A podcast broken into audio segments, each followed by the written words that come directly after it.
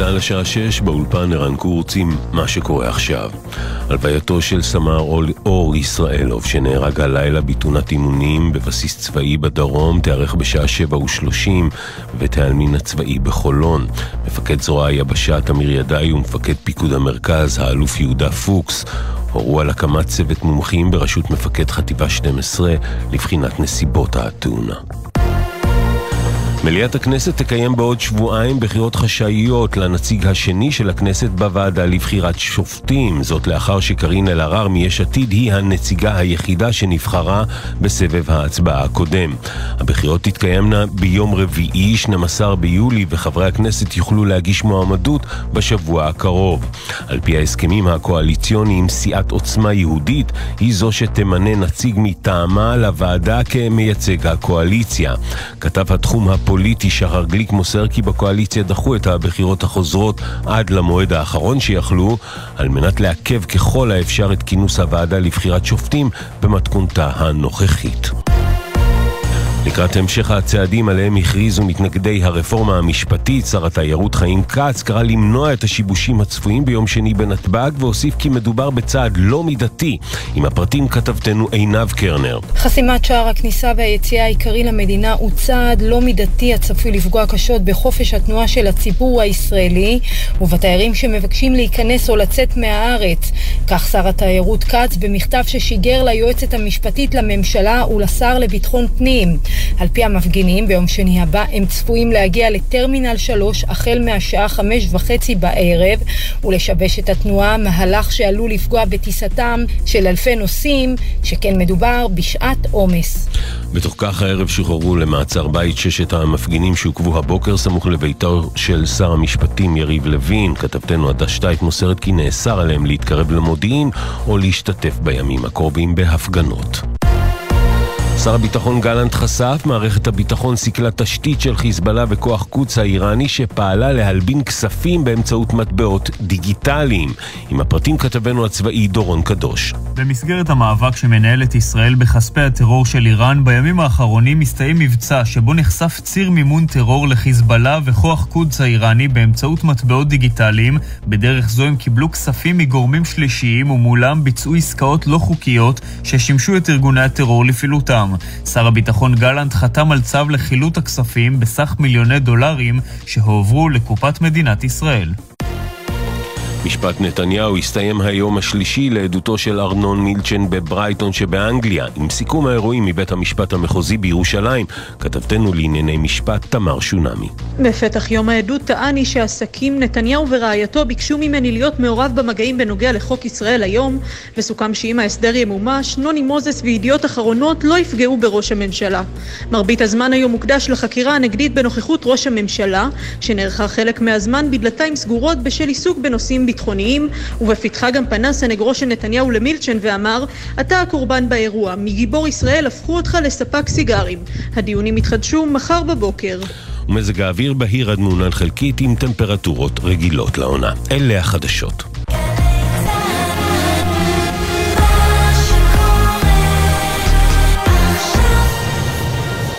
בחסות שטיינר, המציעה מכשירי שמיעה עמידים למים, נטענים ומתחברים למגוון טלפונים חכמים. שטיינר, כוכבית 6967. בחסות מועדון הצרכנות הוט, המציע להנדסאים, למהנדסים ולבוגרי מדעי המחשב לפתוח חשבון בבנק לאומי ולקבל מענק כספי, פטור מעמלות ועוד. כוכבית 5521, כפוף לתנאי הבנק. בחסות אייס, המציע את ACE and Move, שירות חדש להובלות דירה בלי הפתעות במחיר. וגם שוברים בשווי אלף שקלים למימוש בסניפי אייס. פרטים בסניפים ובאתר, כפוף לתקנון. עכשיו בגלי צה"ל, ישראל פישר וסמי פרץ עם החיים עצמם.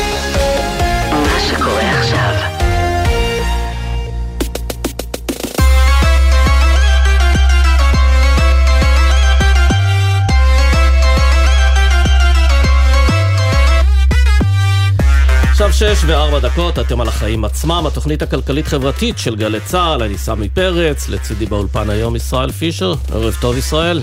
ערב טוב סמי, מה שלומך? היה פעם כזה פתיח, לא? הייתה פעם תוכנית ערב טוב ישראל, היה את בטי ואתי, בוקר טוב ישראל וערב טוב ישראל. כן, אז uh, תשמע, uh, יש uh, חדשות לא כך טובות מעולם ההייטק. דוח של רשות החדשנות שפורסם היום מזהיר שוב מהשפעות של המהפכה המשפטית על התעשייה. רואים שם ירידה חדה בהשקעות, אנחנו נדבר על כך עם עמי אפלבאום שהוא יושב ראש הרשות. ולא רק מערכת המשפט תחת איום, אלא גם בנק ישראל עקב הצעת חוק למתן ריבית על העובר ושב. הנגיד תוקף אותה בחריפות וקובע שזו חציית קו אדום של ממשלת ישראל. בהחלט מכתב חריף מאוד. נדבר גם על אה, קבינט הדיור שהתכנס היום ופיזר הבטחות רבות לשיפור המצב ולהורדת המחירים. נבדוק עם שר השיכון לשעבר, חבר הכנסת זאב אלקין, עד כמה ההבטחות האלה שונות מהתוכניות שהוא הציג כשהוא היה שר. אפרופו תוכניות של שרים, עינב קרנר שלנו תדווח על התוכנית החדשה של שר הכלכלה ניר ברקת להורדת יוקר המחיה. כן, תגיד לי, מתי טסת בפעם האחרונה? בפברואר, אני חושב. פברואר. אז אה, לא יודע מה היה בפברואר, לי יצא לטוס לפני שבועיים. אה, וראיתי שיש שם בנתב"ג בלאגן עצום בכל מה שקשור במוניות, הרבה מאוד חאפרים מסתובבים שם, תיירים מבולבלים, המחירים לנסיעות די פשוטות מרקיעי שח, אה, שחקים, ואתה יודע, אנחנו מנסים לראות מי אחראי לעניין הזה, רשות שדות תעופה, משרד התחבורה, כל אחד מגלגל אותנו מאחד לשני. פנינו על שניהם היום, צריך להגיד. וכולם מסירים מעצמם אחריות. אנחנו ננסה לדבר על זה עם נהג מונית שעובד בנתב"ג, שיספר על החוויה די מפוקפקת הזו. ונשאר גם קצת בתחבורה, על העלייה במחירי לימודי הנהיגה, 240 שקלים לשיעור של שעה, תלמידים סובל, סובלים, אבל זה לפני סוף, זה בסוף התוכנית, אבל קודם כל סמי, מה הכותרת שלך היום? אז תשמע, אז הזכרנו את נגיד בנק ישראל, הוא שלח היום מכתב אה, חריף ובאמת חסר תקדים לראש הממשלה, אה, ובו הוא מתריע שהממשלה חוצה קו אדום ופוגעת בעצמאות של בנק ישראל, ועלולה להביא לפגיעה בדירוג האשראי של ישראל. והפעם לא מדובר במהפכה המשפטית, אלא בעניין אחר לגמרי. הצעת חוק שאושרה בוועדת השרים לחקיקה קובעת שהנגיד יחייב את הבנקים לשלם לנו ריבית על יתרות זכות בחשבון העובר ושב באישור שר האוצר. זה נשמע לכאורה הזה... טוב, בטח אחרי כל העליהום שעושים על הבנקים, שהם מרוויחים רווחי ענק עכשיו. אז זהו, אז הנגיד לא חושב שזה נשמע טוב, אה, משתי סיבות. קודם כל הוא מתנגד עקרונית לחוק הזה, הוא חושב שזה מזיק, וזה גם שזה יפגע בתחרות, כי לא צריך לעשות את זה באמצעות חקיקה, או באמת משהו כזה מחייב, אלא באיזושהי הידברות עם הבנקים שהוא כבר התחיל. אבל, מה שיותר מקפיץ אותו, זה, הש... זה העובדה שלפי הצעת החוק הזו, הוא צריך להביא בכלל את הסוגיה הזו לאישור שר האוצר.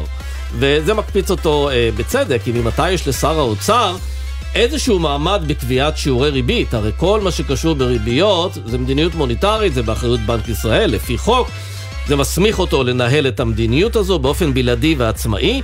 עכשיו, אני חושד שבממשלה יודעים שהם תקעו פה עז בהצעת החוק, ואין סיכוי שהנגיד הזה או נגיד אחר אה, יחכה לאישורו של אה, שר האוצר בנושא אה, ריביות, אבל הם עושים את זה כדי לדחוק בנגיד לפעול בנושא. הבעיה שעל הדרך הם מערערים את האמון בעצמאות של הבנק המרכזי, וזה, יחד עם המהפכה המשפטית, עלול לפגוע אה, קשות בכלכלה. למה הם עושים את זה? אני ממש לא מצליח להבין.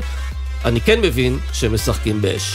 משחקים באש, וזה כל העניין של פגיעה בעצמאות של מוסדות. כן, זה, זה, וברגע, זה, זה הכל אותו דבר. לא, וגם ברגע שהכרזת שאתה רוצה להחליש את מערכת המשפט, ואתה רוצה להחליש את, אה, לא יודע מה, את ועדי העובדים, ואתה רוצה להחליש ולהחליש ולהחליש, אז זה כתוב בקווי היסוד שלך שאתה רוצה להחליש.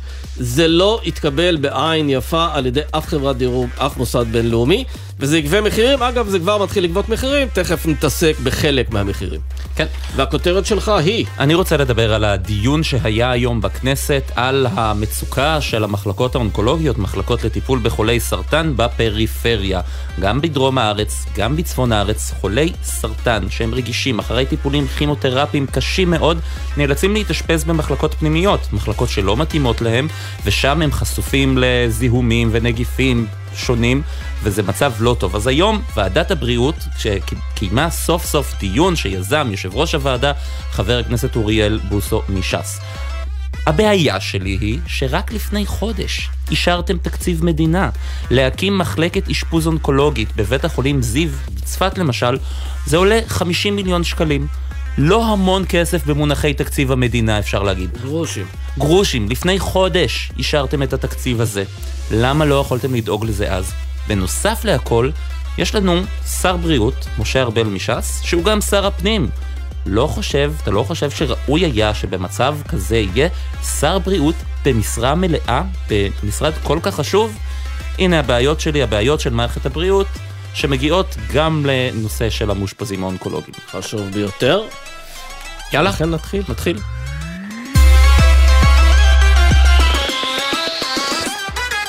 אז באמת רשות החדשנות מזהירה היום מפני פגיעה בענף אה, ההייטק, רואים שם אה, נתונים של ירידה בהשקעות, ואנחנו רוצים לדבר בעניין הזה עם דוקטור אה, עמי אפלבאום, שהוא יושב ראש רשות החדשנות, ערב טוב. ערב מצוין. אז כשאתה מסתכל על הנתונים, סיבה אחת היא לא קשורה בכלל לממשלה הזו ולמעשים שלה, אלא מה שקורה בענף ההייטק העולמי, המשבר שהחל כבר איפשהו בשנת 2022, אבל אנחנו רואים גם קשיים שקשורים למה ש... שעושה הממשלה הזו, והשאלה אם אתה קודם כל יודע לשים את, ה... את החיץ בין ההשפעות של הסיטואציה העולמית ובין האירוע המקומי. יש uh, בהחלט uh, משבר כלכלי, לא רק בהייטק, משבר כלכלי עולמי שכבר דנו בו מספיק ואני לא רוצה להרחיב עליו. וישראל התנהגה במהלך 2022 באופן צמוד למשבר הגלובלי, זאת אומרת ירידה בנסדק, ירידה בכספים שמגיעים לישראל. מה שקרה מאז ינואר, מהרבעון הראשון של 2023, אנחנו רואים למשל שהנסדק מתחיל לעלות, והתל אביב טק 100 לא עולה, אפילו ירד. הנסדק עלה ב-34 אחוזים, והטק 100 ירד אפילו באחוז. ובדרך כלל הם הולכים מסתכל... יחד, הם מתפתחים הם... באותו, באותו קצב? הם הולכים באותה, באותו כיוון, ולא תמיד באותו קצב, אבל באותו כיוון. ופה אנחנו רואים שאנחנו לא מתרוממים. אבל דבר, קרה דבר מאוד משמעותי בינואר. התחלפה ממשלה. אי אפשר להתעלם מזה. יפה. את שאלת אם אני רואה השפעות שמפרידות בין המשבר הכלכלי העולמי לבין מה שקורה בישראל, והתשובה היא כן, אנחנו מתחילים לראות תופעות כאלה. אנחנו רואים שבהאבים של חדשנות אחרים, כמו פריז, כמו לונדון, ההשקעות עולות בהייטק המקומי, ואצלנו הן לא עולות. אנחנו רואים שבפעם הראשונה, בשני הרבעונים האחרונים, הייתה ירידה של כמות המועסקים בהייטק. זו פעם ראשונה שהייתה ירידה, אני לא, לא מדבר על עצירה בעלייה, הייתה כן, ירידה. כן, אתם מדברים על ירידה של 2,250 אה, עובדים ברבעון הראשון של 2023, נכון. והיא אפילו החריפה בחודש אפריל, נכון, שם ראינו ירידה של 3,400 עובדים, ואיך המגמה מאז? נכון, המגמה עדיין של ירידה במספר העובדים בהייטק. אנחנו נקבל תוצאות בסוף חודש יוני, ואנחנו נראה את המשך הירידה, זה מה שאנחנו שומעים. ויותר חמור מזה שאנחנו רואים אתגרים בהזרמת ההון לישראל, אה, שהמשקיעים הגדולים ו-90 אחוז מההון שמושקע בהייטק מגיע מחו"ל, ואנחנו רואים פה עצירה בחריקת בלמים. אה, עוד פעם, המספרים האלה יגיעו בסוף יוני. אז יש בהחלט הרבה נקודות לדאגה כשאתה מדבר על הפעילות את... שהיא 18 אחוז מהתוצר הלאומי הגולי של ישראל. אתם הזהרתם בעבר כבר, באפריל אתם פרסמתם אה, מסמך שמזהיר מפני ההאטה בתעשיית הטכנולוגיה הישראלית. מה השתנה בין אפריל לעכשיו לסוף יוני בינתיים?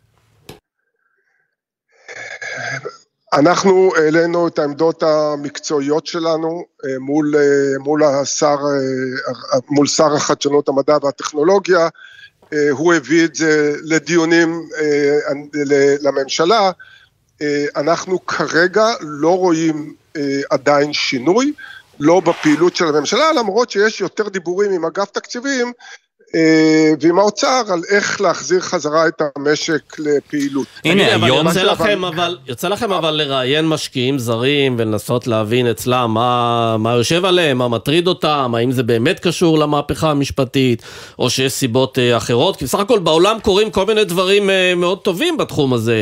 נדבר למשל על המהפכה של הבינה המלאכותית, היא יוצרת הרבה מאוד הזדמנויות עסקיות. אז אתה פה רק מחריף את, ה, את הנקודה. המשקיעים הזרים אומרים, אנחנו, יש לנו אי בהירות לגבי מה שקורה בישראל.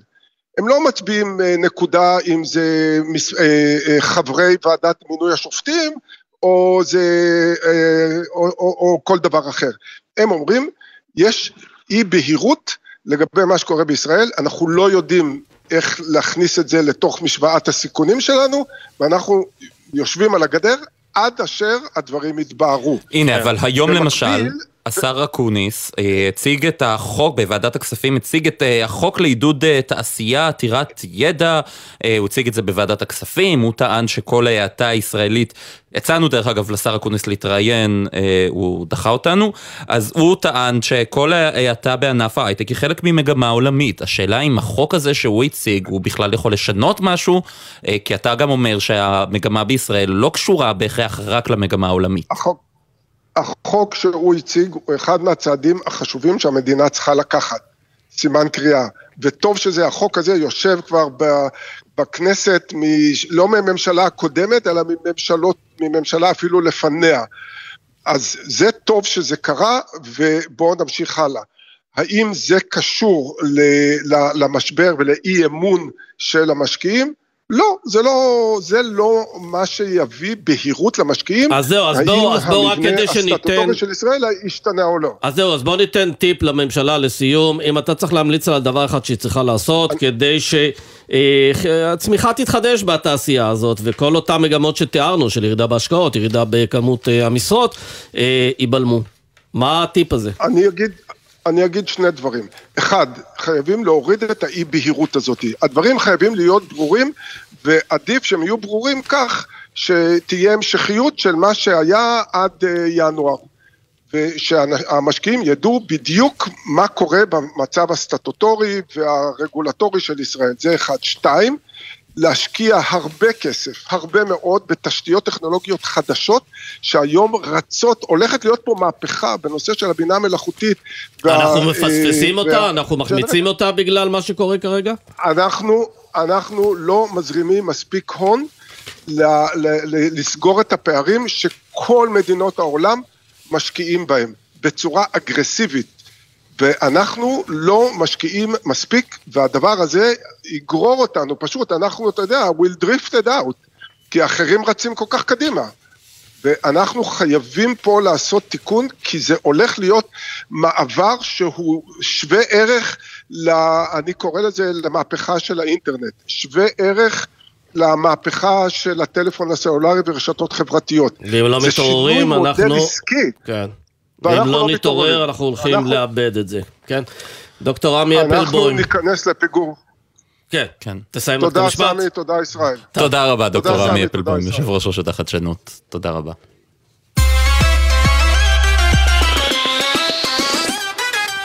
זה נשמע כמו שיחה שניהלנו פה עשרות פעמים. איך פותרים את משבר הדיור? אז היום קבינט הדיור התכנס והציג אה, מהלך ראשון. יהיה מענק ממשלתי של 50 אלף שקלים לרוכשי דירה מיד שנייה בפריפריה, אם היא עולה פחות ב-600 אלף שקלים. איפה יש דירות כאלה? בפריפריה ביישובים חרדיים. כן. מה עם יישובים ערבים? אה, יכול להיות שזה מתאים גם אליהם, אבל בדרך כלל המקומות האלה זה יתאים אה, אה, לנושא הזה. אבל זה נשמע קצת מינורי, קבינט דיור מתכנס ובסופו של דבר זה הדבר המרכזי שהוא מוציא, כאילו היה צריך לתת קצת יותר מזה. או, בוא ננסה לשאול את חבר הכנסת זאב אלקין, לשעבר שר השיכון, יושב ראש השדולה לקידום הבנייה והדיור, מהמחנה הממלכתי, על התוכניות האלה, מה הוא חושב על מה שהציגה הממשלה, הקבינט הדיור היום. שלום לך חבר הכנסת אלקין. שלום לכם, ערב טוב. נו, אז אה, ראינו בשורות? יש לך, אתה יכול לברך את הממשלה? אולי? על, על מה? הפוך. הרי תסתכל מה קורה, זה אבסורד. בצד אחד צמצמו את ההנחות לכלל הזוגות הצעירים בצורה מאוד משמעותית, כי עדכנו את המחירים בדירות להנחה בשנת 22 במקום שנת 20, זה להקפיץ את המחירים ב-20%. המשמעות של זה שזוג צעיר שגם כבר יתמזל מזלו ויזכה בהגרלה, של משרד השיכון, הוא יצטרך לשלם 100, 150, אולי אפילו 200 אלף שקל יותר עכשיו על הדירה שלו. ובצד שני מביאים פה סיוע של 50 אלף שקל למי? למישהו מאוד מאוד ספציפי, כי רק בערים חרדיות יש דירות במחיר הזה, ולכן אין ספק למי זה יעזור ובשביל מי זה יעבוד. אז לכלל הציבור מקטינים דרמטית את ההנחה. ואגב, במקביל... אגב, אבל מה זה אומר? זה אומר שהממשלה פשוט בוחרת ביודעין להפקיר את הזוגות הצעירים, את מעמד הביניים, ולתגמל רק את הזוגות הצעירים מהחברה החרדית? ביודעין היא עושה את זה? לא יודע ממשלה עושה את זה שר השיכון, הממשלה הולכת... לא, אבל אנחנו מדברים על קבינט הדיור, אתה יודע, בכל זאת, קבינט יושבים בו כמה שרים, ואני מניח שצריך להביא לשולחן אה, אינטרסים של עוד יותר מאשר רק מגזר אחד. אתה מכיר את מילת המפתח, השיקולים הקואליציוניים. אה, מסביר ראש ממשלה השיקולים הקואליציוניים, ואז כולם מתיישרים, אבל כן, בצד אחד, במועצת מקרקעי ישראל, uh, עושים פעולה טכנית כביכול, כן, מעדכנים את מחירי הדירות להנחה משנת 20 לשנת 22, מה שבפועל מייקר אותם בכ-20%, ובצד שני, בקבינט הדיור uh, עושים את המהלך הזה עבור.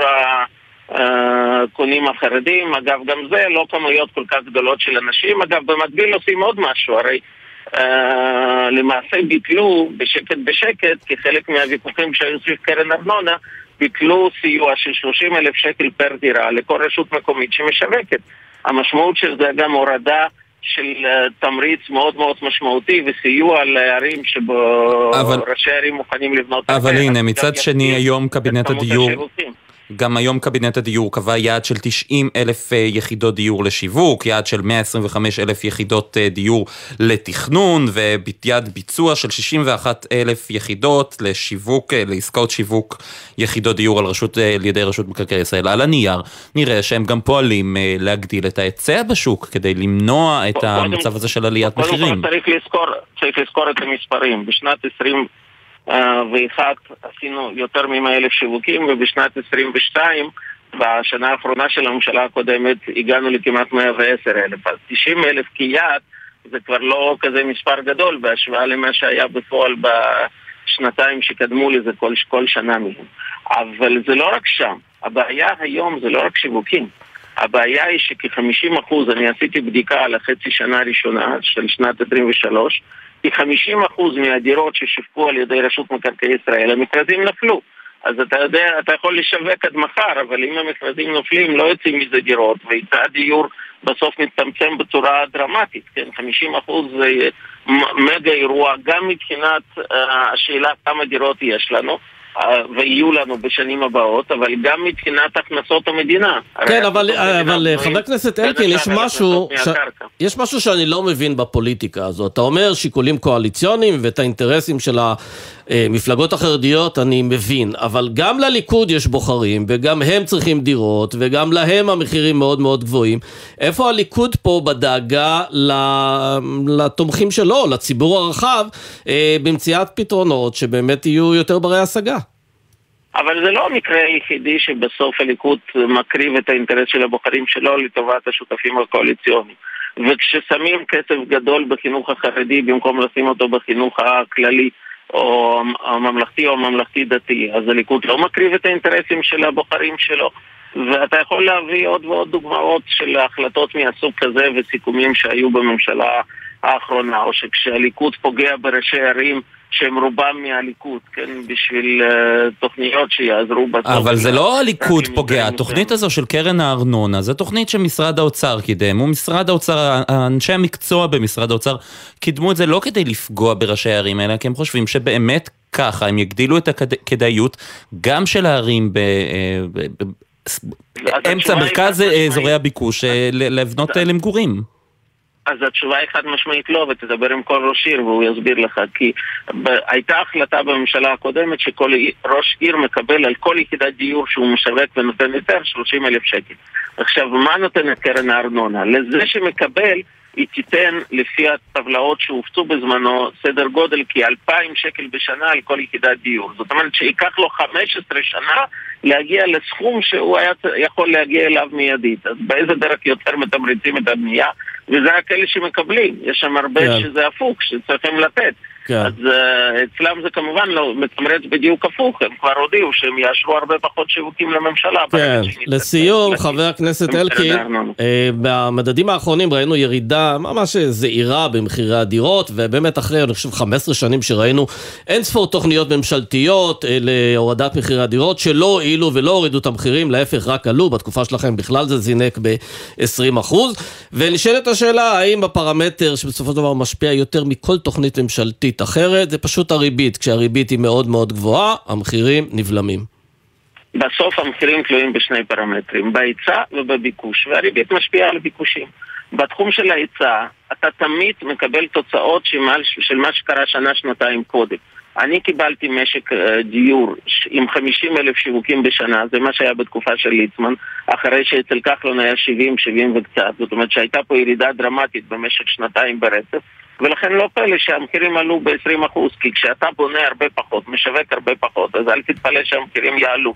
אני הורשתי לגולדקנופ אחרי שנתיים של כל שנה יותר מ-100,000 יחידות דיור, פלוס עליית הריבית, כל זה ביחד בלם את עליית המחירים. אגב, אמרנו כבר באמצע שנת 22 שזה מה שהולך לקרות. תיקח את הרעיונות שלי, תראה שם אמירה שב-23 תהיה בלימת עליית המחירים. אבל אם הממשלה תמשיך בדרך שהיא הולכת עכשיו, המשמעות של זה תהיה ששר שיכון הבא יקבל עוד פעם 20% של עליית מחירים כי כמות ההיצע הולכת וקטנה בצורה דרמטית כשהמכרזים נופלים ומצד שני הזוגות צעירים שגם ככה נאנקים תחת נטל משכנתה יותר יקרה בגלל עליית הריבית עכשיו בכללים החדשים יצטרכו לשלם עוד 100-200 אלף שקל נוספים על כן. הדירה כן. שממש אין להם מאיפה להביא. חבר הכנסת זאב אלקין, מהמחנה הממלכתי, שר השיכון לשעבר, תודה רבה לך. תודה רבה לכם.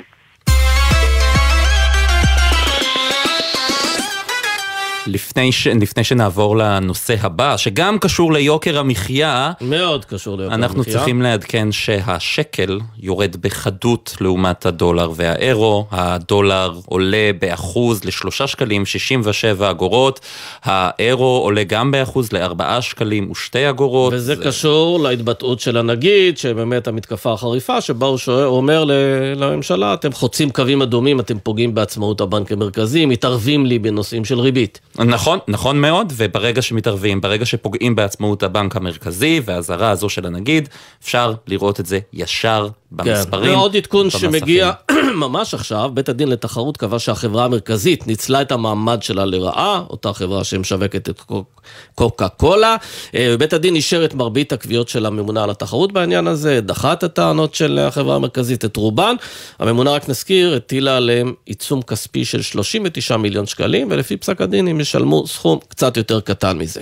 כן, בהחלט עדכון חשוב, ונעבור, נמשיך עכשיו ביוקר המחיה, מי שניסה להציג היום. עוד תוכנית למלחמה ביוקר המחיה, בעצם לפירוק המונופולים, הוא שר הכלכלה ניר ברקת, עינב קרנר, כתבתנו לענייני צרכנות. כתבתנו. כתבתנו לענייני צרכנות, סליחה. כן, את uh, היית היום במסיבת העיתונאים של uh, השר ברקת. נכון מאוד, וצריך לומר אה, ישראל וסמי שהשר ברקת באמת אה, בשונה מהמון אה, שרים בממשלה לא מוותר, אנחנו רואים את הנחישות שלו ועל אף שאותו החוק שאנחנו מכירים שיצא ברגע האחרון מחוק ההסדרים, אותו חוק שהיה אמור לטפל במונופולים לא ירד מסדר יומו של השר ברקת והיום הוא הכריז שהתזכיר של החוק עבר להערות הציבור, זה ייקח משהו כמו שלושה שבועות משם זה ימשיך לוועדת השרים לענייני חקיקה וזה צפוי לעבור בקריאה שנייה ושלישית במושב החורף של הכנסת. נגיד מה זה אומר בעצם. כרגע, אה, אה, להבנתי, בעצם אה, כוונת השר היא לפרק את המונופולים. אנחנו מדברים על עשר החברות הגדולות ששולטות במשק. אנחנו כולנו יודעים שכל אחת מהן מחזיקה או ביותר ממותג אחד שיש לו נתח שוק מאוד גבוה של יותר מ-50% וגם בחברות היצרניות, שזה אגב, זה חידוש, זה לא יחול רק על יבואנים כמו דיפלומט או שסטוביץ', אלא מדובר גם על היצרנים כמו שטראוס, אה, כמו תנובה. כמו אוסם, אה, ולכן אה, זה בהחלט יכול להיות מהלך שהוא מאוד מאוד מאוד חשוב וגם ישפיע בהמשך על הכיס של כולנו, כאמור, ברגע שמפרקים את המונופולים ובעצם מאפשרים ליבואנים חדשים, שחקנים קטנים יותר, גם להיכנס למגרש שבו נמצאים היום הגדולים, וכמו שאנחנו מכירים ישראל וסמי, לא תמיד מאפשרים ליבואנים והיצרנים הקטנים להיכנס פנימה לתוך המרכולים, זה בהחלט יכול להיות אה, מהלך אה, אה, טוב, אבל שוב, בואו נראה, אה, עד שזה לא נגמר, זה לא נגמר, ראינו את זה גם בסבב הקודם, אנחנו עדיין לא יודעים איך יגיבו כל הלוביסטים של אותן חברות ענק, אבל בהחלט אם המהלך הזה יצא לפועל, זה בהחלט הישג אדיר גם לשר, לשר ברקת, אבל לא פחות מזה גם לצרכנים, שבאמת סוף סוף תהיה מה שנקרא פירוק אמיתי של המונופולים ולא דרישות ובקשות יש. יהיו שם הרבה מכשולים לה... בכנסת אני מתאר לעצמי, וגם משפטיים אחר כך. כן, תאר לעצמי, עינב נכון. קרנר. ונגיד רק עוד משפט אחד לסיום ברשותכם, שזה הדבר המרכזי, אבל יש גם את הנושא של אה, אה, חובת הדיווח על אה, נתונים ודוחות כספיים לחברות אה, שאינן אה, חברות אה, ציבוריות, אה, וזה גם משהו שיעלה בחקיקה. עינב קרנר, כתבתנו לענייני צרכנות, תודה רבה לך. תודה לשניכם. כמה הודעות, ואז נדבר על האזהרות של אגף התקציבים באוצר, על כך שישראל תצטרך לייבא גז כבר בעוד 15 שנה. מיצואנית גדולה ליבואנית. איך אני אוהב את כן. הנושא הזה. ונדבר גם על החאפרים והמחירים המוגזמים ובלאגן המוניות בנתב"ג מיד אחרי החצי.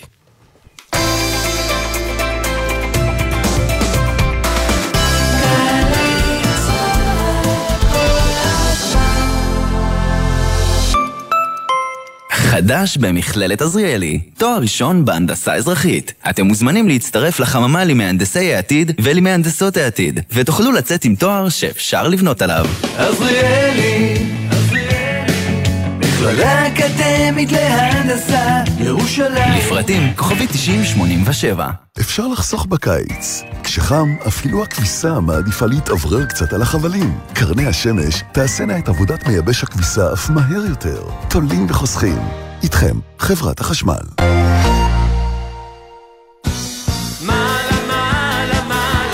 מעלה מעלה, מופע מחווה למלך הפופ צביקה פיק. משתתפים דנה אינטרנשיונל, רותם כהן, מאיה בוסקילה, קובי אפללו, אמרי זיו, מיי פיינגולד, אילנה אביטל, שרי, שימי תבורי וריקי בן ארי, במסגרת מופע הנעילה של פסטיבל אשדודנס. חמישי, תשע בערב, אמפי אשדוד, ובקרוב בגלי צה"ל. עכשיו בגלי צה"ל, ישראל פישר וסמי פרץ עם החיים עצמם. כן, אז פה באמת הטענה הזאת שישראל תהפוך מיצואנית של גז ליבואנית של גז נשמעת מדהימה. אה, צריך לפענח אותה. אתה בעסקי הגז, לא? אני בעסקי האנרגיה, אני אוהב מאוד את התחום, ובאמת זה לא טענה שבאה מכיוון לא שלא מבין בעניינים, משרד האוצר, בעצמו מזהיר הממונה על התקציבים מזהיר מהנושא הזה. אה, נתחיל אה, איתך, חן הרצוג, הכלכלן הראשי של BDO, אתה פרסמת דוח בשבוע שעבר על היתרונות של הגז. יחד עם איגוד חברות הגז, יש כן, לציין. כן, נכון. אה, שלום, ערב טוב. ערב טוב. אז האזהרות האלה של אגף התקציבים באוצר, צריך לקחת אותן ברצינות? אני לא רואה מצב שבו ישראל בעוד 15 אה, שנים אה, מייבאת גז, אני חושב שצריך לזכור שיש לנו היום אה, עתודות גז של מעל 1,000 BCM עתודות באדמה וצריכת הגז היום בישראל שלנו כ-12, מתוך העתודות האלה דרך אגב מחצית הן מובטחות לשוק המקומי, לפי בעצם ההגדרות באות ואומרות, ההנחיות הממשלתיות אומרות שבעצם מתוך תגליות הגז חצי מיועד לשוק המקומי, וחצי ניתן לייצא אותו. כלומר, אבל זה העניין, אה, חברות הגז בעצם מנהלות איזשהו קמפיין, ואני חושב שהדוח שלך די משרת את הטענה שלהם שיש מספיק גז להרבה מאוד שנים, ולכן אפשר לייצא. נדמה לי שהן קצת רוכבות על העובדה שמחירי הגז עולים בעולם ויש יותר ביקוש, אז הם אומרים, אם אפשר להשיג מחירים מאוד גבוהים בחו"ל, בוא נייצא. אני חושב שיש פה איזו אי הבנה שצריך להעביר אותה. אני לא מכיר מישהו שבא ואמר שצריך לפתוח את המגבלה של ה-50% ייצוא. מוסכם וברור לכולם ש-50% מעתודות הגז שמורות למשק המקומי, זאת אומרת מתוך אותם כמעט 1,100 אה, BCM שהתגלו, אה, אנחנו מדברים על סדר גודל של 550 BCM ששמורים לשוק המקומי. אה, בכל תוואי ובכל מקרה, ואם תעשה את החשבון של שנות הצריכה, עזוב את הצריכה השנה שעברה שהייתה 13 BCM, גם אה, אם אנחנו מסתכלים על התחזיות אה, חמש שנים קדימה, שנגיע ל-20 BCM, אה, צריכה של גז ותעשה את המכפלה, 550 BCM, לחלק ל... 20 בשנה, הקצב העתידי אבל גם 50%. דוח ועדת תגיע- אדירי 2 העלה תרחיש כזה שבו בעוד 15 שנה אנחנו, הביקוש בישראל יעלה על ההיצע, יעלה על מה שספקי הגז פה בישראל יכולים לספק לשוק המקומי וככה אנחנו נצטרך להתחיל לרכוש גז ממדינות אחרות. אני, אני לא מכיר, אני לא מכיר תרחיש שמדבר על כך, להפך, ועדת אדירי תמיד הסתכלה על שמירת אה, עתודות גז אה, לאורך זמן, וכל מדיניות הייצוא נגזרה מכך שיאפשרו גז לשוק המקומי ולייצוא. צריך לזכור, תראו, יש פה עוד דברים שהמדינה צריכה לעשות, לקדם אנרגיות מתחדשות, נכון? אנחנו רוצים כן. לא, לא, אבל עוד לפני אנרגיות מתחדשות, אנחנו רואים שבעצם הממונה על אגף התקציבים במשרד האוצר אומר שמהשיחות שלו עם גורמי מקצוע במשרד האנרגיה, אז uh, באמת עולים כל מיני דברים שנמצאים על הפרק, אם זה החלטה בדבר הקמת מתקן uh, ימי להנזלת גז, כדי שאפשר יהיה לייצא, החלטה בנושא של היתרי ייצוא נוספים, בסדר גודל של 200 מיליארד, כלומר 200 אה, BCM, שזה לעשור הקרוב, שזה אומר להגדיל את זה ב-20%, שזה הגדלה דרמטית. אני חושב שיש, אני חושב שיש נקודה נכונה שעומדת מאחורי אגף התקציבים שבא ואומר, תראה, אנחנו צריכים להגדיל את עתודות הגז. אנחנו לא יכולים להסתפק עם שלושת המאגרים שיש לנו היום ועם כמויות הגז שיש לנו היום, כי הביקוש גדל, כי נכנס יותר רכב חשמלי, כי צריכת החשמל גדלה, ולכן בעצם אנחנו צריכים להגדיל את היצע הגז. עכשיו, אם תסתכל על הנתונים של משרד האנרגיה, אומרים, יש עוד גז באדמה, בים, שעדיין לא התגלה, הוא עדיין לא פותח. אה, יש מחלוקות על זה מכיוון של גיאולוגים, יוסי לנגוצקי למשל, האיש שמאחורי תמר, אומר שבכלל לא בטוח שיש משהו עוד בים.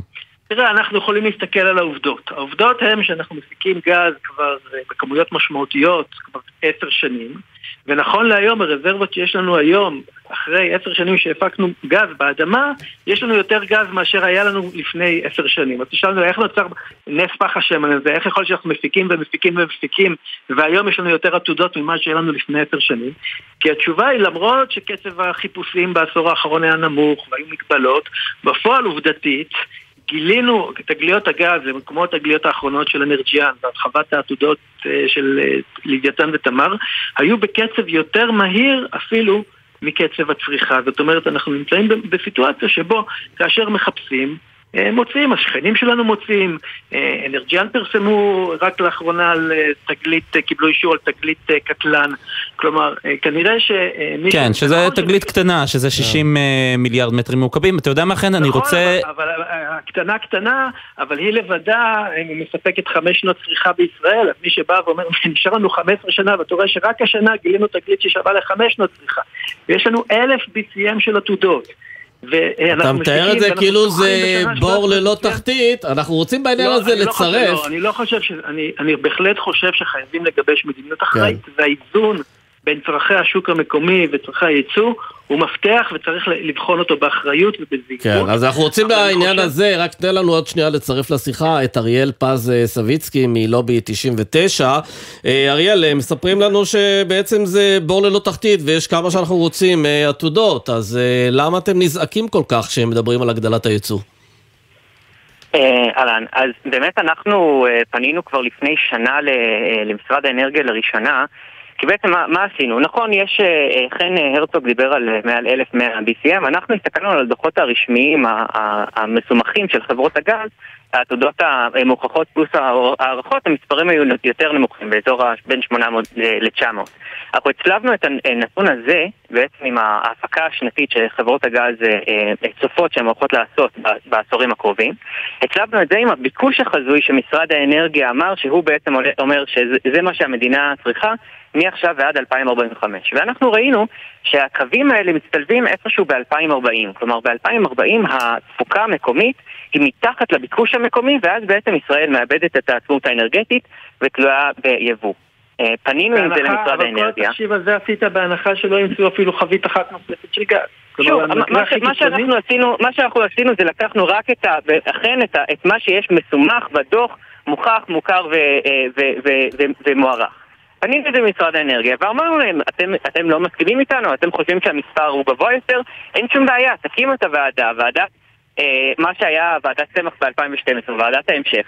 תקבעו כ- לכמה זמן אתם רוצים להבטיח את הביקוש המקומי, שבעצם לא נהיה תלויים ביבוא.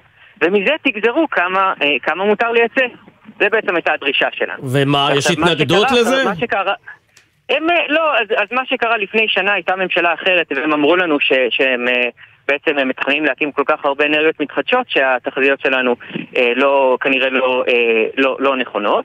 ואז אה, מה שקרה זה שככל שאנחנו מדברים עם יותר ויותר נשים, אז אה, גברו הקולות שדווקא כן תומכות ב, אה, ב, בעמדה שלנו. לדוגמה, אה, חברת נוגה, חברת ניהול המערכת, אה, אה, בסוף שנה שעברה התחילה לדבר על זה שצריך להיזהר אה, עם, אה, עם, אה, עם הרשאות הייצוא ו- ולוודא שיש מספיק לביקוש המקומי. שמעתי בשימוע ציבורי את אה, נציג אה, פורום יצרני החשמל הפרטיים שאומר שתוך 20 שנה אין לישראל אה, יותר גז, 20 עד 25 שנה. וממש אתמול היה את העמדה של משרד האוצר, שהוא בעצם אומר שלפי שיחות שלו עם, של אגף תקציבים עם משרד האנרגיה, תוך 15 שנה כבר, שזה אפילו יותר חמור ממה שאנחנו אומרים, ישראל עשויה להגיע למצב שהיא תלויה ביבוא. וכן חשוב לי אה, אה, להדגיש כן. דבר נוסף, שכבר היום הייצוא כן משפיע על, על המחירים. זאת אומרת, אנחנו היום כביכול במצב של איזשהו עודף מאוד גדול. אבל אתה מסתכל ב, אה, בשימוע, אה, בשימועים שרשות החשמל פרסמו סביב החוזה של חברת החשמל עם מאגר תמר. והם אומרים, פנינו למאגר ליבטן, פנינו למאגר אה, כריש תנין, ביקשנו שהם גם יגישו הצעות למכור לנו גז. והם אמרו לא, אנחנו, אה, יש לנו אה, אה, רצון להגביר את הייצוא ואנחנו לא רוצים למכור לכם שום גז. כלומר, אה, אותה תחרות שהבטיחו לנו במתווה הגז, שתמר ית- יתחרה בלוויתן, יתחרה בכריש תנין, אנחנו רואים שבמציאות, בגלל שהייצוא הוא במחירים כל כך גבוהים, אז אין לחברות הגז אז בעצם, אז בעצם אפשר. לסכם פה אה, שהדבר הנדרש הוא, גם אם מחליטים להגדיל את הייצוא, לעשות את זה על בסיס באמת איזושהי ועדה מקצועית שתבחן את כל... מדיניות, אין מדיניות. מדיניות למשרד האנרגיה, זה היה גם בתקופת השרה הקודמת, זה נמצא גם עכשיו בתקופת השר כץ. משרד האנרגיה מנסה בינתיים לעצום את העיניים ולתת לשוק לעשות מה שהוא רוצה, ולא קובע מדיניות ברורה בנושא. הצענו גם לשר כץ לעלות אלינו היום לשידור, הוא סירב. נגיד את זה גם. חן הרצוג, הכלכלן הראשי של BDO, ואריאל פז סביצקי מלובי 99, תודה רבה לשניכם. תודה רבה.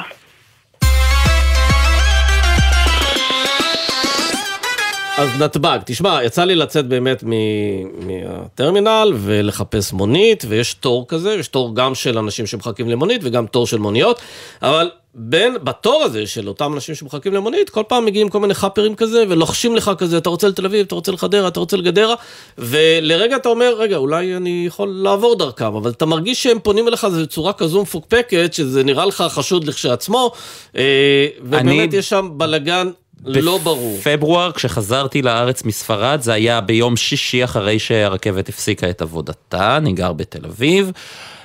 פנה אלינו מישהו, הציע הצעת מחיר, אה, נראה לנו גבוה, אבל לא, לנו יותר, לא היו לנו יותר מדי ברירות, אמרנו בסדר. לקח אותנו לחניון שם לטווח קצר, הכניס אותנו לאוטו הפרטי שלו, וככה נסענו. חאפר, ממש חאפר. אנחנו רוצים לדבר עם מישהו שהוא לא חאפר, עם שי דיין, נהג מונית מזה 11 שנים. שלום שי. שלום, ערב טוב, ישראל וסמי. תגיד, מה זה הבלגן הזה בשדה? פעם היה סדר, איך זה קורה? אוזלת ידה של רשות שדות התעופה אימפוטנטית ברמה מטורפת. יש להם רק כוח על החלשים. בוא תסביר, אבל תסביר למה. למה אה, אתה, מי את החלשים? הטענות שלך. אין לה כוח על עבריינים, אין להם שום כוח אדם לפתור את הבעיות האלה. משרד האוצר ומשרד התחבורה, שהם הממונים על המוניות במדינת ישראל, שמו פס, לא אכפת להם מכלום. לפני כמה שנים, ממש איך שהתחילה הקורונה, הפחיתו את התעריפים ב-30 עד 35 אחוז, אפילו גם חלק מהנסיעות גם ב-40 אחוזים בנסיעות הבין-עירוניות. שינו את מבנה תעריפי המוניות, שינו את המבנה, איך שהיה פעימות, כמו שהיה דופק לך 30 אגורות כל כמה קילומטרים, היום שינו את הכל ונותנים שקלים בודדים על כל קילומטר ודקה, גרמו לזה שהנסיעות הבין-עירוניות אינן משתלמות לנהג מונית שמחזיק היום רכב. אבל בכל זאת, היום- למרות זאת, אנחנו רואים שם תורים מאוד ארוכים של מוניות שמחכות לנוסעים ורוצות לעבוד שם בשדה. לצע- לצערנו, אין לנו ברירה, אנחנו חייבים לעבוד לפי התעריפים הישנים, שאנחנו בעצם הופכים להיות עבריינים בחסות החוק. זאת אומרת... למה עבריינים? כי אנחנו, אנחנו לא יכולים לנסוע במונה לתל אביב ב-90 שקלים. לא יכולים. הורידו לנו את התוספת מזוודות.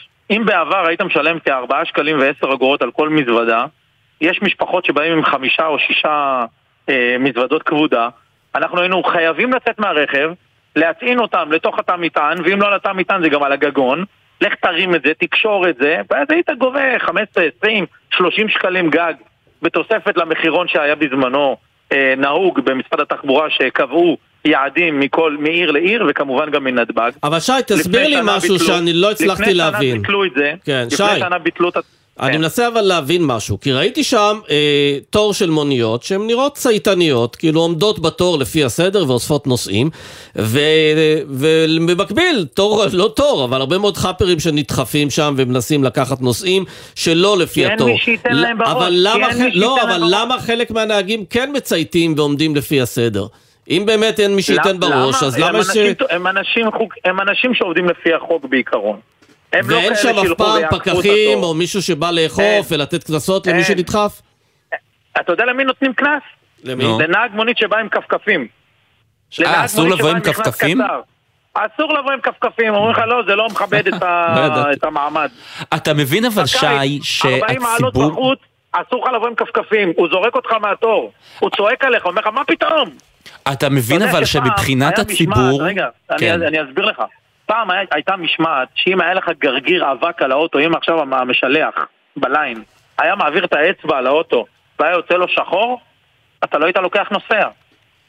אם היו רואים נהג לא מגולח, אתה לא היית לוקח נוסע. אם המכנסיים שלך והחולצה שלך לא היו מכופתרים עם השם של התחנה שלך, אתה לא היית לוקח נוסע. הייתה משמעת. התפוצץ המכרז בזמנו עם אה, גט טקסי בזמנו שעשו ביחד עם הדר איזה שיטת אה, חישוב לעבוד בשיתוף פעולה התפוצץ המכרז בגלל שלא היה כדאי לקחת נוסעים ב-31% הנחה. אתם זוכרים את זה? כן, אבל עכשיו בעצם הכתובת לעניין הזה זה רשות שדות תעופה או משרד מה התחבורה? כי הם מה מגלגלים המדינה- אותנו אחד לשני. מה משרד התחבורה עשה? אמר, אה, את המכרז הזה פיצצתם? אני אוריד לכם את ה-31% האלה באופן קבוע, אני אוריד לכם את זה במונה, שאתם תיקחו מכל מקום לכל מקום. לא אבל אתה בנתב"ג. מבין שמבחינת הציבור, אתם, אה, נהגי המוניות, הם רואים בכם אשמים וטוענים שאתם אה, גונבים אה, מהם כספים והם אה, מקפיצים את התעריפים. גונבים. מבחינת אוי הציבור, ואבוי. זה מה שהם אומרים. תראה, יש סיבה למה המדינה הורידה את התעריפים, והסיבה היא לדפוק את נהגי המוניות בשביל לגרום לאובר להיכנס למדינת ישראל. לאחרונה שמענו ששבוע שעבר, אובר הרימה ידיים, היא הבינה שבסופו של דבר היא לא תצליח להכניס רכבים פרטיים לפה. למה? היא תכלס, את האמת אני אגלה לך. כמו שאמרת שעלית לרכב פרטי מה- מה- מהמכיניון, יש כן. עשרות אלפי רכבים פרטיים שעובדים בניגוד לחוק מתחת לרדאר, ומשרד התחבורה לא אכפת לו. ואף אחד לא ואני אגלה אוכף לך את זה. עוד סוד, ואני אגלה. לך עוד סוד. ישנן תחנות מוניות רשמיות עם מוניות שיש בתוכם, בתוך הקאדר של ה capacity של הרכבים שלו, רכבים פרטיים. ואני אגלה לך עוד סוד. זה תחנות מוניות, בקצרה. בעיקר במגזר החרדי לצערי, בעיקר, באזור בני ברק, אלעד, כן, מודיעין אבל זה כבר סוגיית אה, אה. אה, החאפרים שם. ואין שום, אבל אין שום אכיפה. מה זה אומר? יש אובר פרטי ישראלי שגוזל את הפרנסה של רוב נהגי המוניות במדינת ישראל. אתה עכשיו, אתה גם ראית גם את הרכב הפרטי עם הסקודה הלבנה ששדד את, ה, את, הזוג אה, קשישים, כן. שגנב להם את האלף יורו? זה ממש גועל נפש, למה? כן. למה כן. זה קורה? כי נכון. משרד התחבורה ומשרד האוצר לא אכפת לו מהענף הזה, לא אכפת לו מסדר, לא נכון. אכפת לו מעניינים. כן, לו? להזכיר שזה המקום שבו תיירים נוחתים, ודבר ראשון שהחוויה הכלכלית. הראשונה שלהם. כן. שלנו. שי אבל דיין. מה אכפת לרשות שדות התעופה? רגע, ומה אכפת לא, לרשות אנחנו שדות צריכים אנחנו התעופה? חייבים לסיים, לצערנו. משפט אחרון, אכפת לרשות שדות התעופה איך לקנוס את החברה שתיקח את המכרז בנתב"ג. על כל 15 דקות שאין מונית, הם רוצים לקנוס ב-5,000 שקל. כן. והם יקנסו עוד 5,000 שקל אם הנהג ב- בליין, שאתה אמור לאסוף ממנו. לעלות על המונית שלך הביתה, אם הנהג לא הפעיל לך מונית, תתלונן, תקבל עוד קנס. כן. שי עוד דיין. שי דיין. בגלל זה אין אף תחנה שרוצה להיכנס לזה. תודה רבה, שי. שי, רק נגיד שרשות שדות התעופה לא הגיבה והפנתה- והפנתה אותו למשרד התחבורה, משרד התחבורה אמר לנו, זה לא עסק שלנו, זה עסק של רשות שדות התעופה, הבלאגן יימשך. ועכשיו ללימודי נהיגה, מתברר שהמחירים מזנקים. מה לא מזנק? כן, הכל מזנק. שלום לך, אה, גאיה, את אה, תלמידה אה, בתל אביב, נכון? שלום, נכון. כמה את משלמת על שיעור? אני משלמת אה, 280 לשיעור של, לשיעור וחצי, כלומר של 60 דקות, כששיעור אחד הוא 40 דקות. וואו, כמה שיעורים כבר עשית?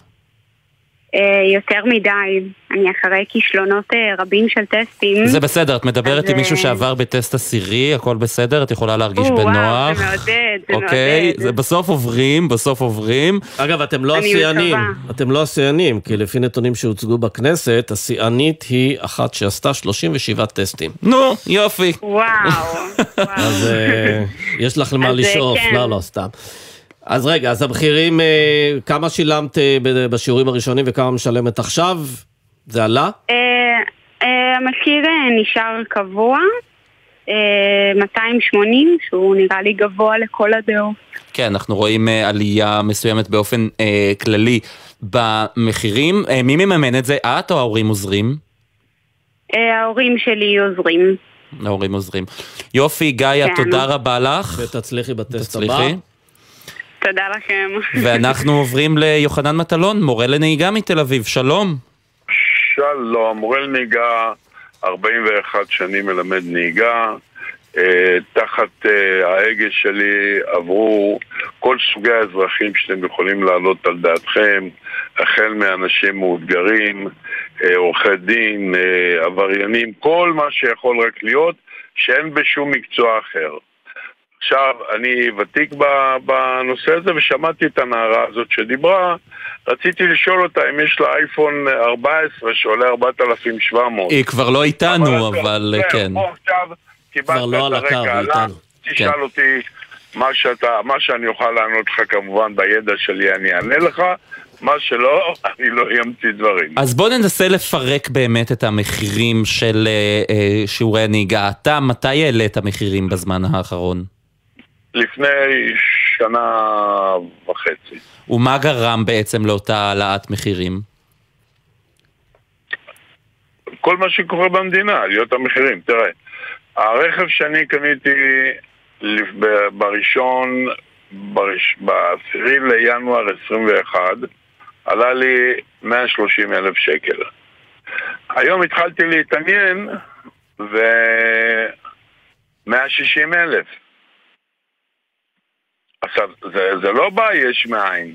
אתה, אתה מבין שברגע שאני קונה את האוטו ואני מרכיב דוושות, כשהוא יוצא מהמכון של הדוושות, הערך של הרכב, איך שהוא חדש ועוד לא נסע, הוא כבר יורד ב-20%, ואחרי שנה, שנה וחצי שימוש, הערך שלו יורד בין 30 ל-50%, כי זה רכב לימוד נהיגה. כן. אבל יכול להיות שהתחושה הזאת שהמחירים עולים קשורה גם בין השאר לאותה רפורמה שנעשתה ב-2018, שהתלמידים לא, מחויבים להפך, לקחת הרבה יותר 2019. שיעורים. לא, לא, לא, לא, לא, לא, לא, לא. אז, אז בואו, תראה, אתם, אתם, לא, אתם ממש לא יודעים את המטריה. בואו, בוא אני אסביר לך. ב... בתחילת שנות האלפיים הייתה תאונת דרכים מחרידה בחיפה, נהג אה, צעיר אה, עם, עם אני זוכר את הפרטים ב-BMW פתוח בפנייה בצומת מרומזר, פגע באימא ובעגלה והרג את שניהם.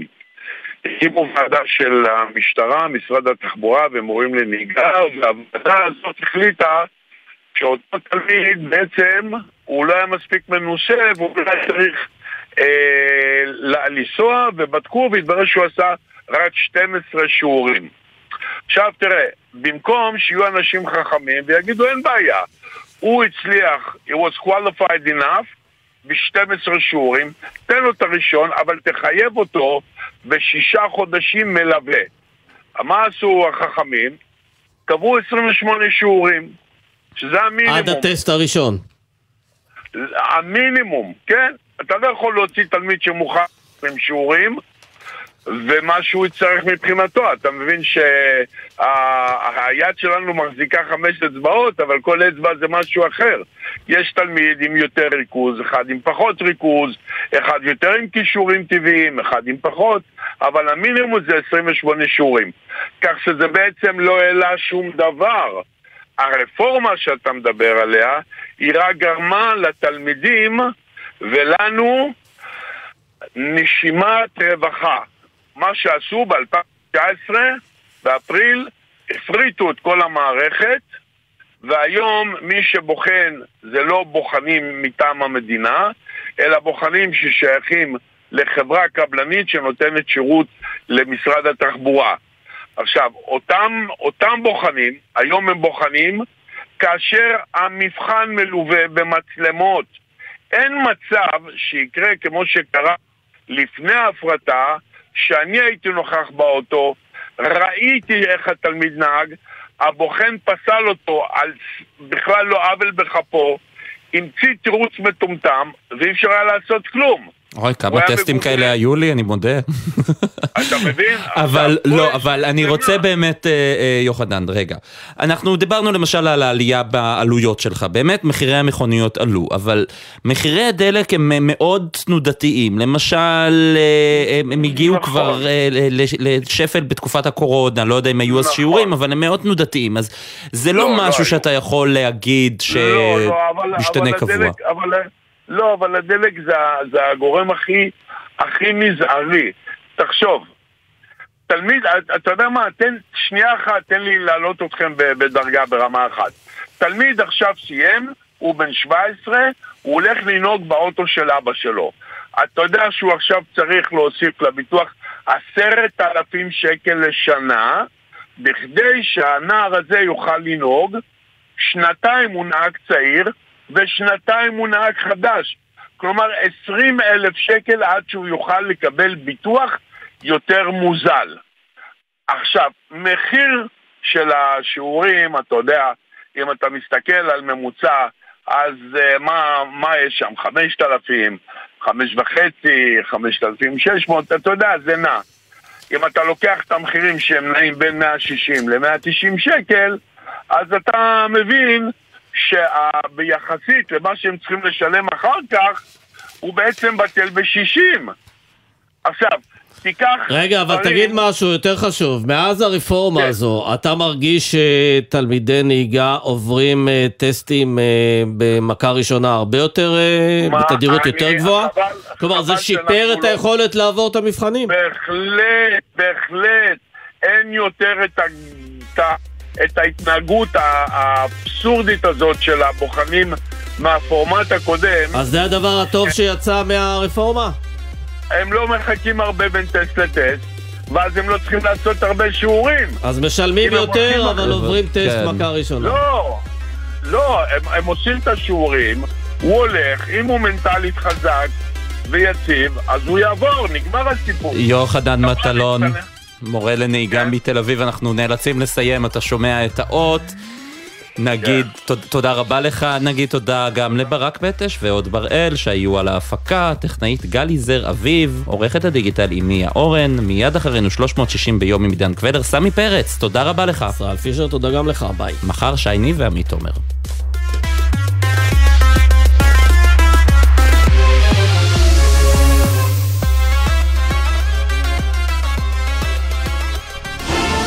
בחסות סרט הקולנוע החדש אינדיאנה ג'ונס, הריסון פורד בתפקיד חייו, אינדיאנה ג'ונס וחוגת הגורל, בבתי הקולנוע. בחסות מפתח דיסקונט, המציע חניה חינם בחניונים ברחבי הארץ אחר הצהריים ובסופי שבוע. כמפורט באתר הבנק, כפוף למינום שימוש בכרטיס, בחניונים נבחרים.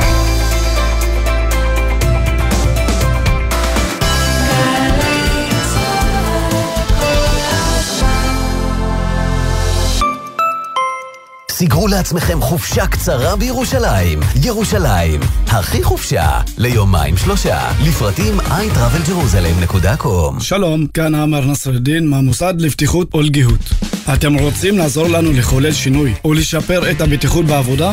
היכנסו לאתר שלנו.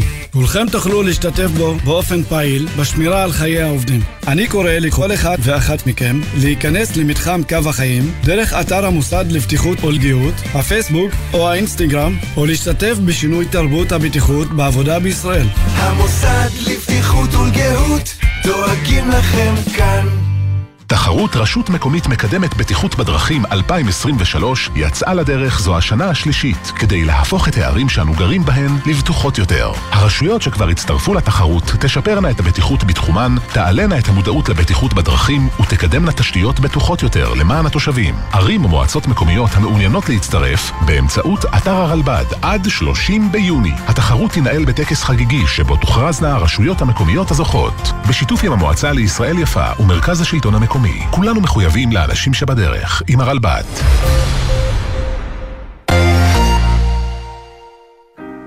לא נוכל להגיד את שמם, לא נוכל לספר איפה הם למדו או איך הם נראים, אבל כן נוכל להזמין אתכם לטקס הסיום שלהם.